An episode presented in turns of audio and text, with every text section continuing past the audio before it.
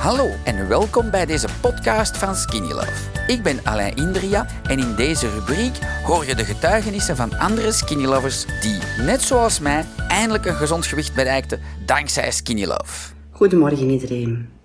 Ik heb het al heel lang beloofd aan uh, Nikki uit Kontig dat ik eens uh, een videootje ging opnemen om te getuigen over wat Skinny Love voor mij heeft gedaan. Ik uh, ben sinds 12 jaar diabetespatiënt. Naar aanleiding van een uh, zwangerschapsdiabetes bij mijn tweede zoon. Ondertussen al 22 jaar geleden.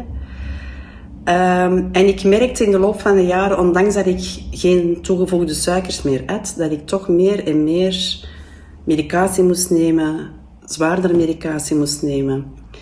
En ik had zoiets van, dat moet stoppen. Ik wil niet eindigen en uh, moeten spuiten, elke dag een aantal keer. Dus vorig jaar, 1 december 2020, ben ik gestart met Skinny Love. En ik kan jullie zeggen dat ik ondertussen al de helft van mijn medicatie heb mogen afbouwen. Ik ben 15 kilo afgevallen.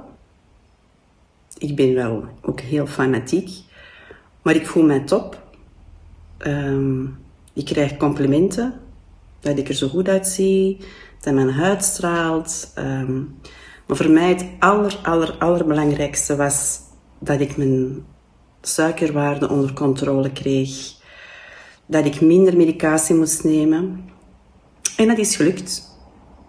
Um, dus ik ben Alain en team enorm dankbaar. Um, ik ben heel blij dat ik uh, het een kans heb gegeven.